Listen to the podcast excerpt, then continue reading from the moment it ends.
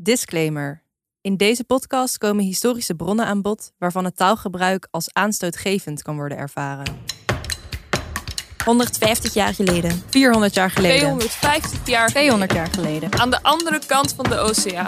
In Suriname. In Indonesië. Nederlands-Indië. In de Oost. In de Paramaribo. Ghana. In Zuid-Afrika. In Brazilië. In Jakarta. Batavia. In Nederland. In de Republiek. In Amsterdam. In het Universiteitskwartier. In het Atheneum Illustre. In de Waag. In het Binnengasthuis. In het Spinhuis. In het Bushuis. In het Oost-Indisch Huis. In het Universiteitstheater. In het heden. In het verleden. nu. Toen. Hier. Ver weg. Dichtbij. Te dichtbij. Wij zijn Iris, Laura, Maaike en Maartje en je luistert naar Far Too Close. Een podcast over het koloniale verleden van het Universiteitskwartier in Amsterdam. Welke verhalen huizen er in de gebouwen waar we college volgen en studeren? En wat moeten we vandaag de dag met een verleden dat zo ver weg voelt, maar eigenlijk nog heel dichtbij is?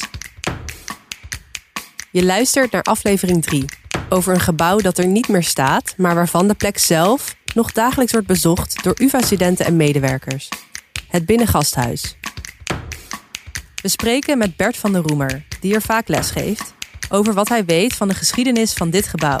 Ik weet dat eh, hier in de 17e eeuw het oude Zijds herenlogement zat. We ontdekken een wel heel tastbare link tussen deze voorname herberg en een tot slaaf gemaakt meisje aan de andere kant van de wereld. In hoeverre is de situatie van dit meisje vergelijkbaar met hedendaagse mensenhandel? Dat vragen we aan Jill Koster van Voorhout, die onderzoek doet naar deze internationale mensenhandel. En ik denk dat dat de belangrijkste les is voor ons heden ten dagen ook. Dat je juridisch wel iets kunt afschaffen, maar dat de praktijk nog steeds dezelfde kan zijn. Nou, daar zijn we weer. Eh, vandaag een nieuw stukje van het universiteitskwartier dat we gaan bekijken. Waar zijn we dit keer? We staan voor het Binnengasthuis. Eh, oh ja, dat is, hier zit eh, kunstgeschiedenis toch van de UvA. Ja, dat klopt. Maar eigenlijk gaat het me niet zozeer over dit gebouw. Het pand waar we nu namelijk naar kijken is pas in de 19e eeuw gebouwd. Oké, dus het verband tussen ons onderzoek en de UvA, dat gaat meer om de plek dan om het gebouw zelf. Ja, precies. Op exact deze plek heeft namelijk eeuwenlang een ander gebouw gestaan. Namelijk het Oudezijds Herenlogement. En eigenlijk gaat deze aflevering dus over dat gebouw. En leek dat gebouw een beetje op eh, het binnengasthuis zoals we het nu kennen? Nou, niet echt. Het Oudezijds Herenlogement had een veel meer statige gevel... met veel meer tierenlantijntjes en versiering. Oké, nou eh, ja, vet zonde dat het is gesloopt. Ja, wel. Maar, leuk feitje. Als het goed is kun je hier binnenkort weer een stuk van het Oudezijds Herenlogement terugbewonderen. As we speak wordt het oude timpaan namelijk weer helemaal gerestaureerd. Een timpaan, en misschien weet niet iedereen wat een timpaan is. Oh ja, sorry. Een timpaan dat is zo'n driehoekig stukje van de gevel. En die is bij de sloop van het gebouw in allerlei stukken verspreid geraakt over de stad. En nu wordt de timpaan dus weer in ere hersteld en teruggeplaatst op de gevel. Oké, cool. Laten we even binnenkijken. Wat weet je over de geschiedenis van dit gebouw? Nou, heel schandalig, maar we zitten hier sinds oktober en ik weet er eerlijk gezegd niks van. Het is eh, recentelijk een ziekenhuis Ik geweest. geloof dat het iets van een ziekenhuis is geweest. Eh, dat het een ziekenhuis is geweest. En daarvoor geloof ik een weeshuis en daarvoor een klooster. In het gebouw praten we ook met Bert van der Roemer. Hij is als onderzoeker en docent cultuurwetenschappen meerdere keren per week in het Binnengasthuis te vinden. Eh, wat weet u van de geschiedenis van dit gebouw? Ehm, ik weet dat eh, hier in de 17e eeuw het oude Zijds herenlogement zat. En dat was een soort herberg voor hele voorname mensen. Eh, dus ja, laten we zeggen een soort Amstelhotel. En ehm, hoe is het om te werken in zo'n gebouw? Ja, het is een hele mooie locatie, dus dat is wel echt genieten. Ben je dan bezig met de geschiedenis van het gebouw? Ja, als ik in de bronnen het oude, ouderzijds herenlogement tegenkom, dan denk ik, oh ja, daar zit ik nu, weet je wel, dat wel. Ehm, maar het is niet, kijk, voor ons is het gewoon een kantoorruimte eigenlijk. Daar waar nu hard wordt gewerkt door UvA-medewerkers en studenten, bruiste het ook al in de 17e eeuw van de bedrijvigheid. In 1647 opende aan de Grimburgwal, precies op de plek van het BG2-gebouw van de UvA, het oude Zijds Herenlogement. De deftigste herberg van Amsterdam. De rijkdom spatte er vanaf. Aan de gevel prijkte een sierlijke timpaan en binnen werden de gasten ontvangen in een prinselijke eetzaal met marmeren vloeren en gouden behang. dat vol hing met spiegels en portretten. Oké, eh, terug in de studio voor het Oude Zijds Herenlogement. En natuurlijk de connectie met het koloniale verleden. Uh, Maaike, wat moet ik me nou eigenlijk voorstellen bij dat Oude Zijds Herenlogement? Bert vergeleek het met het Amstel Hotel. Klopt dat een beetje? Ja, eigenlijk wel. Maar chic eten, drinken en slapen was niet het enige wat je er kon doen. Op de binnenplaats vonden namelijk ook veilingen plaats. En daar kon je dan als gast gewoon vanuit het venster van je eigen kamer meebieden. En op wat kon je dan zoal een bod uitbrengen? Nou, van alles eigenlijk.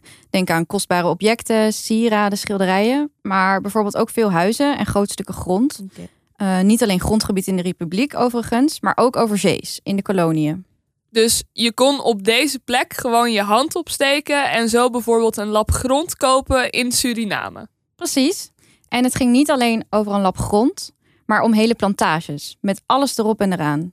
En wat het dan precies is, heb ik kunnen achterhalen in een aantal oude krantenadvertenties. Want zo'n veiling werd steeds vooraf aangekondigd in de krant. Deze is bijvoorbeeld van 21 september 1744 en gaat over plantage Karawassibo in Suriname. Pieter Pekstok, Dirk, Dirk Schreuder Schreuder en Jan en Jan Hekhuizen, makelaars, zullen op maandag den 6 december 1745 te Amsterdam in het Oude Zijds Herenlogement verkopen een kapitaal suikerplantagie genaamd Krawassibo. Gelegen in de kolonie van Suriname, groot van kaart 2600 akkers, benevens deszelfs considerabele huizingen, loodsen, negerwoningen, suikermolen, kookhuis, gereedschappen, slaven, paarden, hoornbeesten en verder ab- en dependentiën. Breder volgens gedrukte inventaris bij de voorgenoemde makelaars te zien. Oké, even die opsomming herhalen. Huizen, gereedschappen, slaven en paarden. Dus tot slaafgemaakte mensen worden hier genoemd tussen de gereedschappen en de dieren door. Klopt. Je vergeet op deze manier heel snel dat het echt om de verkoop van mensen gaat. Omdat het tot slaafgemaakte dus gewoon onderdeel zijn geworden van de opsomming, van een transactie. Ja, wat mij dan ook opvalt is dat er wel precies staat om hoeveel grond het dan gaat. 2600 akkers. Maar hoeveel mensen je dan precies kocht, dat, dat staat er niet. Nee, daarvoor moest je langs bij de makelaars. Bij hen kon je in de inventarislijsten zien wat er allemaal bij die plantage hoorde. En dat was heel belangrijk, want als koper zette je vrijwel nooit voet aan wal in Suriname. Dus die lijsten waren echt de enige manier om te controleren wat je precies kocht. Ja, um, je hebt er ook een kopie van mee naar de studio. We kijken er op dit moment naar. En um, als ik het goed zie, de pagina waar we nu naar kijken is een soort van register met alle tot slaafgemaakte. Dat klopt. Hier in de linkerkolom staan alle mannen. En hier rechts alle vrouwen. En dan hier op de volgende pagina zie je ook nog de kinderen. Onderverdeeld in jongens en meisjes. Ja. Wow. Ja, wat een lijst. Marta, Wilhelmina, Amimba. Zij is dan nieuw gekocht. Oké, okay, ja, dus er, staan, er staat dan telkens een, een omschrijving naast de naam. Hier bij de mannen Jupiter oud, past op de tuin. Lucretia oud en af. En daar dan achter staat dan hoeveel, ja, letterlijk echt hoeveel gulden ze waard zijn op basis van hoe productief ze dan nog waren. Klaas, zwaar gebroken, 120 gulden. Klein Couquet, met zware hoofdpijn, 200 gulden. Pietje, niet gepriseerd, 0 gulden. Diana, oud met zere voeten. Sicilia, 120 gulden. Oud en van weinig dienst. Venus, 100 gulden. Onbekwaam, 0 gulden. Clara, Dorothea, steken met kleine zonen. Prinses, 525 2 jaar, 50 gulden. Diana, Colijn, past op het pluimvee. 2 jaar, 350 gulden. Cocolaat, 450 gulden. Vaartijn, Corporaal, Pietje, Jacobus, 350 gulden. Anna, Pierlala, Sicilia, Libella, 0 gulden. Maria, Colijn, Valentijn, 80 gulden. Mirandor, Bienvenu, 200 gulden. Pamina, Beatrix, Colombina, Madeleintje, 11 jaar, 200 gulden. Bergeren, nieuw gekocht, 1 jaar, 50 gulden. Op de inventarislijst van Plantage Krawassibo staan in totaal 142 tot slaafgemaakte. Eén van die mensen is Grietje. We treffen haar voor het eerst aan op de inventarislijst uit 1735. Maar ook in de decennia daarna keert haar naam terug. Ze is een van de tot slaafgemaakte die haar hele leven gedwongen werkt op Plantage Krawassibo. Ja, dit hier zijn dus de lijsten waar Gietje telkens terugkomt. Want dat is dus het interessante. Er zijn maar liefst acht inventarislijsten van die plantage. Van verschillende jaren. Dus we kunnen best wel goed meevolgen wat er allemaal gebeurde. Oh ja, hier op die eerste, nummer 13 van de meisjes. Grietje. Dus ze is hier eigenlijk nog maar een kind. Ja, ze is hier pas zes jaar oud. En ze werkte dan bij het huis. Waarschijnlijk in de bediening en als schoonmaakster. Mm, Ja. ja, en als we dan verder kijken daarna, als ze volwassen is, wordt ze in deze inventarislijst hier omschreven als kokkin en veldmeid. Dus ja, ik denk dat ze dan ja, op het veld werkte en suikerriet oogste. Ja, en in een latere inventarislijst kwam ik erachter hoe ontzettend zwaar dat werk geweest moet zijn. Grietje wordt een paar jaar later namelijk omschreven als ziek en als malinker. Wat betekent dat? Dat woord werd specifiek gebruikt voor plantageslaven die door ouderdom of ziekte niet meer konden werken. Grietje wordt dus eigenlijk afgeschreven. Op de inventarislijst is ze letterlijk nul gulden waard. Oké. Ehm, zou degene die Kravassibo kocht hier in het oude Zijds herenlogement dan ook hebben stilgestaan bij al die mensen op de plantage? Ja, who knows. Maar hoogstwaarschijnlijk draaide het voor hem puur om de winst. Het was een investering en daarmee profiteerde hij gewoon keihard van die plantage. Inclusief dus de gedwongen arbeid door tot slaafgemaakte als Grietje. Ja, dit gaat misschien een beetje vergezocht klinken, maar valt er geen lijn te trekken naar vandaag? Ik bedoel, wordt er vandaag ook niet nog steeds door investeerders of, of bedrijven hier heel veel winst gemaakt op de rug van mensen aan de andere kant van de wereld? Ja, ik denk dat ik wel snap waar je heen wil. Maar ik denk dat we het zelfs niet zo ver hoeven te zoeken. Ik bedoel, als je hier achter het oude Zijdse herenlogement de Kalverstraat inloopt... Ja, dan kom je meteen bij een heleboel winkels waar de shirts eigenlijk zo goedkoop zijn... dat dat niet zonder uitbuiting gemaakt kan zijn eigenlijk. Ja, precies. Ja, en daar doe ik zelf ook aan mee hoor. Ik pleit hier echt niet onschuldig, maar het is misschien wel iets om, om even bij stil te staan. Grietjes verhaal heeft ons aan het denken gezet. Hoewel natuurlijk heel anders van aard, profiteren we nu nog steeds van veel te goedkope arbeid. Welke verantwoordelijkheid dragen wij als consument voor de uitbuiting van mensen die onze goedkope producten produceren? Grote vragen waar wij het antwoord niet op hebben.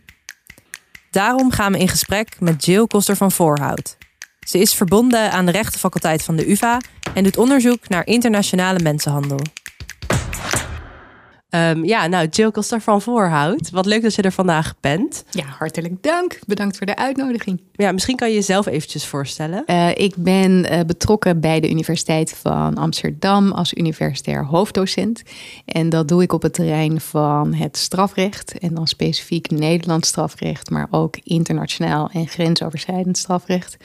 En in dat kader hou ik me heel sterk bezig met eigenlijk wat in de Nederlandse volksmond moderne slavernij is gaan heten. Of uh, juridisch heet dat mensenhandel. En is er dus ook een verband tussen mensenhandel toen, in de context van slavernij, en nu? Zeker, want ik denk dat er een paar hele belangrijke systemische uh, situaties in zitten rondom wie waren destijds kwetsbaar en wie zijn dat nog steeds.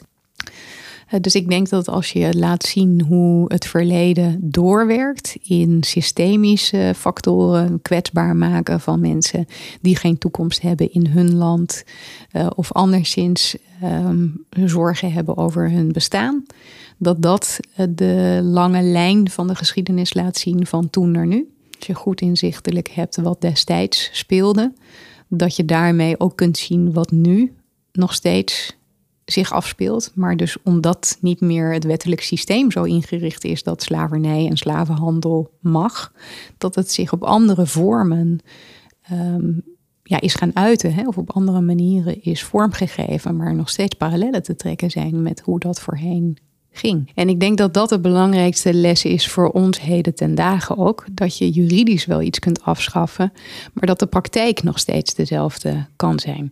En bijvoorbeeld sociologisch onderzoek heeft daar ook wel het nodige op gedaan door bijna te zeggen dat mensen nu nog meer disposable, dus wegwerpvoorwerpen zijn dan voorheen, omdat je ook niet meer de bescherming hebt van het recht. En ik weet hoe wrang dat klinkt, maar dat betekent dus dat je ook op geen enkele manier meer zichtbaar bent voor de samenleving waarin je uh, eventueel he, uitgebuit wordt en onder dwang werkzaamheden moet verrichten. Hoe groot is dit dan?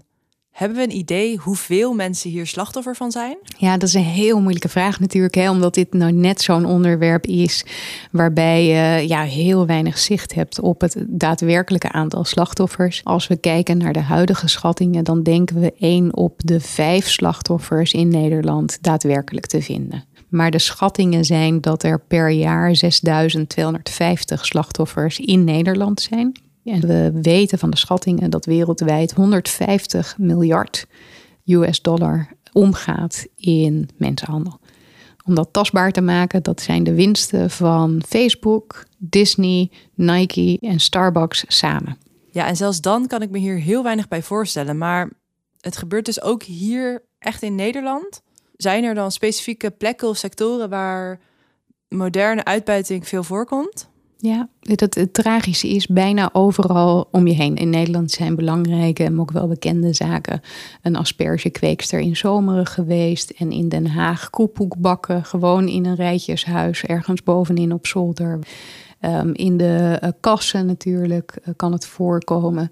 Uh, maar eigenlijk dus overal om je heen. Maar als het zo alomtegenwoordig is, hoe komt het dan dat we hier zo weinig van weten?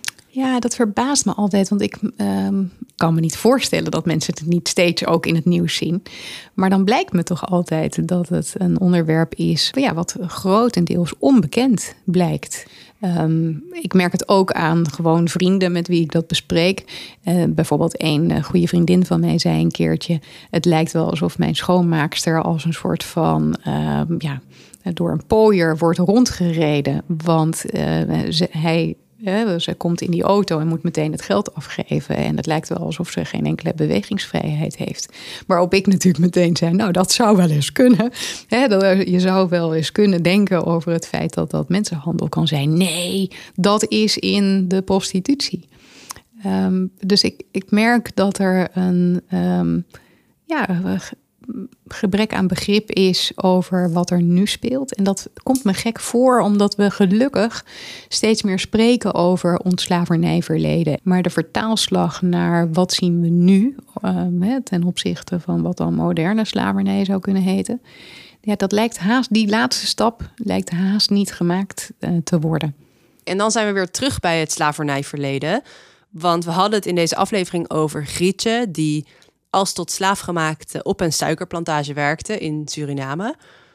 En als ik nu, als ik gewoon in 2021 nu naar de supermarkt ga en een tomaat koop, of naar de Kalverstraat ga en een spijkerbroek koop, is dat eigenlijk vergelijkbaar met iemand die in de 17e eeuw suiker kocht, die was verkregen door het werk van een tot slaafgemaakte? Ik ben bang van wel en voor een deel weten we het. Voor een deel weten we dat de productie tegen bepaalde prijzen eigenlijk niet met normale, goed verdienende arbeid kunnen zijn verkregen. Ja, het is een heel complex uh, fenomeen natuurlijk, omdat je als consument zeker ook een verantwoordelijkheid draagt. Alleen het is nooit zo'n rechtstreekse. Uh, zelfs um, jouw voorbeeld uh, met suiker uit Suriname, ja, dat was dan ook het hele model, hè, zoals anderen daar ook aan verdienden. En als consument was dat moeilijker om in te schatten. Maar wat wel ongelooflijk geholpen heeft bij de afschaffing van slavernij, is juist dat optreden van burgers. Dus de suikerboycott heeft ongelooflijk veel teweeggebracht. Dus als je als consument echt je verantwoordelijkheid wilt nemen, dan kan dat enorm eh, positieve gevolgen hebben eh, ter bestrijding, ook van mensenhandel heden ten dagen. Dus als consument kan je wel echt een rol spelen in de bestrijding van mensenhandel en uitbuiting als ik me wil opstellen als een verantwoorde en oplettende consument, uh, waar moet ik dan rekening mee houden? Ja, dat moet samen opgaan. Uh, want als bedrijven niet goed transparant maken hoe ze aan hun producten komen uh, en hoe die zijn gemaakt, dan is het voor de consument moeilijk om dat te doorzien. En aan de andere kant weten we ook allemaal heus goed genoeg dat sommige prijzen te gek zijn. Hè, en dat het te mooi is dat het zo goedkoop is. En dat moet ons toch ook allemaal af en toe achter de oren doen krabben. En denken: nou ja, ik wil eigenlijk helemaal niet een kledingstuk aan hebben dat gemaakt is door mensen die daar niet op een normale manier voor betaald zijn. En die niet een goed leven hebben, net als ik dat heb. Oké, laatste vraag. Wat hoop je eigenlijk voor de toekomst? Dat we ja, mensen helpen daar waar zij het verdienen Omdat je ook zou hopen dat iemand anders jou de hand zou uitsteken als je zelf in die situatie verkeert. De situatie van iemand als Gietje hoefde toen al niet, maar nu hoeft het al helemaal niet meer. En daar moeten we wat tegen kunnen doen. Oké, even evaluatie, want wow, ik vond het gesprek echt wel een eye-opener. Het feit dat moderne mensenhandel zo dichtbij plaatsvindt. Ja, ik vond dat ook wel confronterend. Ik dacht bij mensenhandel voorheen toch eigenlijk wel vaak echt aan het buitenland, aan echt verre plekken. Maar het is dus eigenlijk ook gewoon hier. Mhm. Ja, maar nu blijkt dus dat mensenhandel eigenlijk dichterbij is dan ooit. En doen wij er nog steeds niks aan. Ja, bizar hè? Vroeger kon iemand dus met één klap van de hamer een plantage inclusief mensen kopen. Ja, en nu koop je dan weliswaar geen mensen meer, maar je gebruikt hem wel voor veel te goedkope arbeid. En die arbeid gebeurt vaak ook nog eens in erbarmelijke omstandigheden. Ja, ja Grietje was niet de eerste en dus zeker ook niet de laatste die de dupe werd van zo'n gruwelijk systeem. Dit was aflevering 3 van de podcast Far Too Close over het binnengasthuis. Slavernij mag dan wel afgeschaft zijn, maar Jill liet ons zien dat moderne mensenhandel nog steeds dichterbij is dan we denken. Sta jij daar wel eens bij stil? En hoe ga jij om met jouw verantwoordelijkheid als consument? In de volgende aflevering gaan we op zoek naar het verborgen verleden van het Spinhuis en duiken we in de levens van de vrouwen die hier werden opgesloten. Far Too Close wordt gemaakt door Iris van der Werf, Maartje van Bennekom, Maaike de Klein en Laure Lambert. In samenwerking met Foxpop, de creative space van de faculteit Geesteswetenschappen van de UvA en Microphone Media.